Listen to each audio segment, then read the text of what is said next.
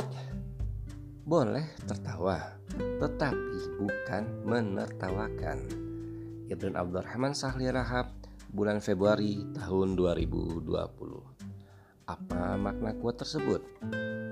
Semua orang pasti pernah tertawa. Bahkan malaikat pun pernah tertawa. Bahkan malaikat Israel sang pencabut nyawa juga pernah tertawa. Dalam kitab Hikayah Sufiah diceritakan suatu kali malaikat Israel ditanya, "Apakah engkau juga pernah tertawa?" "Ya, aku pernah tertawa sekali dan menangis sekali."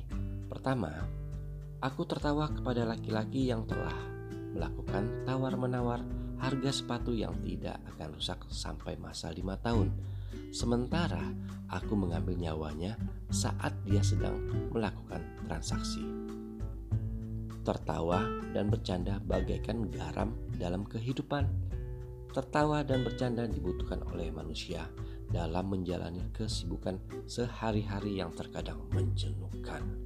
Bahkan Rasulullah terkadang tersenyum dan tertawa bahkan bercanda dengan para sahabatnya dan anak kecil.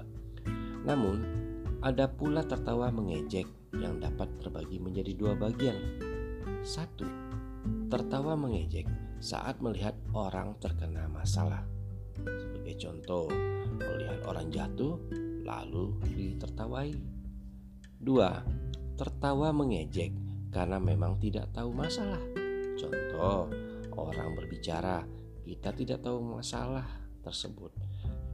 Dalam rangka so tahu atau ingin menjatuhkan lawan, maka kita pun mengejek dengan menertawainya. Allah berfirman dalam surah Al-Mutaffifin ayat 29 yang artinya sesungguhnya orang-orang yang berdosa adalah mereka yang menertawakan orang-orang yang beriman. Banyak hadis yang menjelaskan larangan menertawakan orang lain, bahkan jika seorang kentut sekalipun dilarang ditertawai. Ingatlah, bercanda dan tertawa boleh-boleh aja asalkan tidak dilakukan terus-menerus dan menjadi kebiasaan dalam hidup. Karena terlalu banyak tertawa akan membuat hati menjadi keras, bahkan dapat mematikan hati. Hati pun menjadi sulit dalam menerima kebenaran. Wallahu a'lam bishawab. Semoga bermanfaat.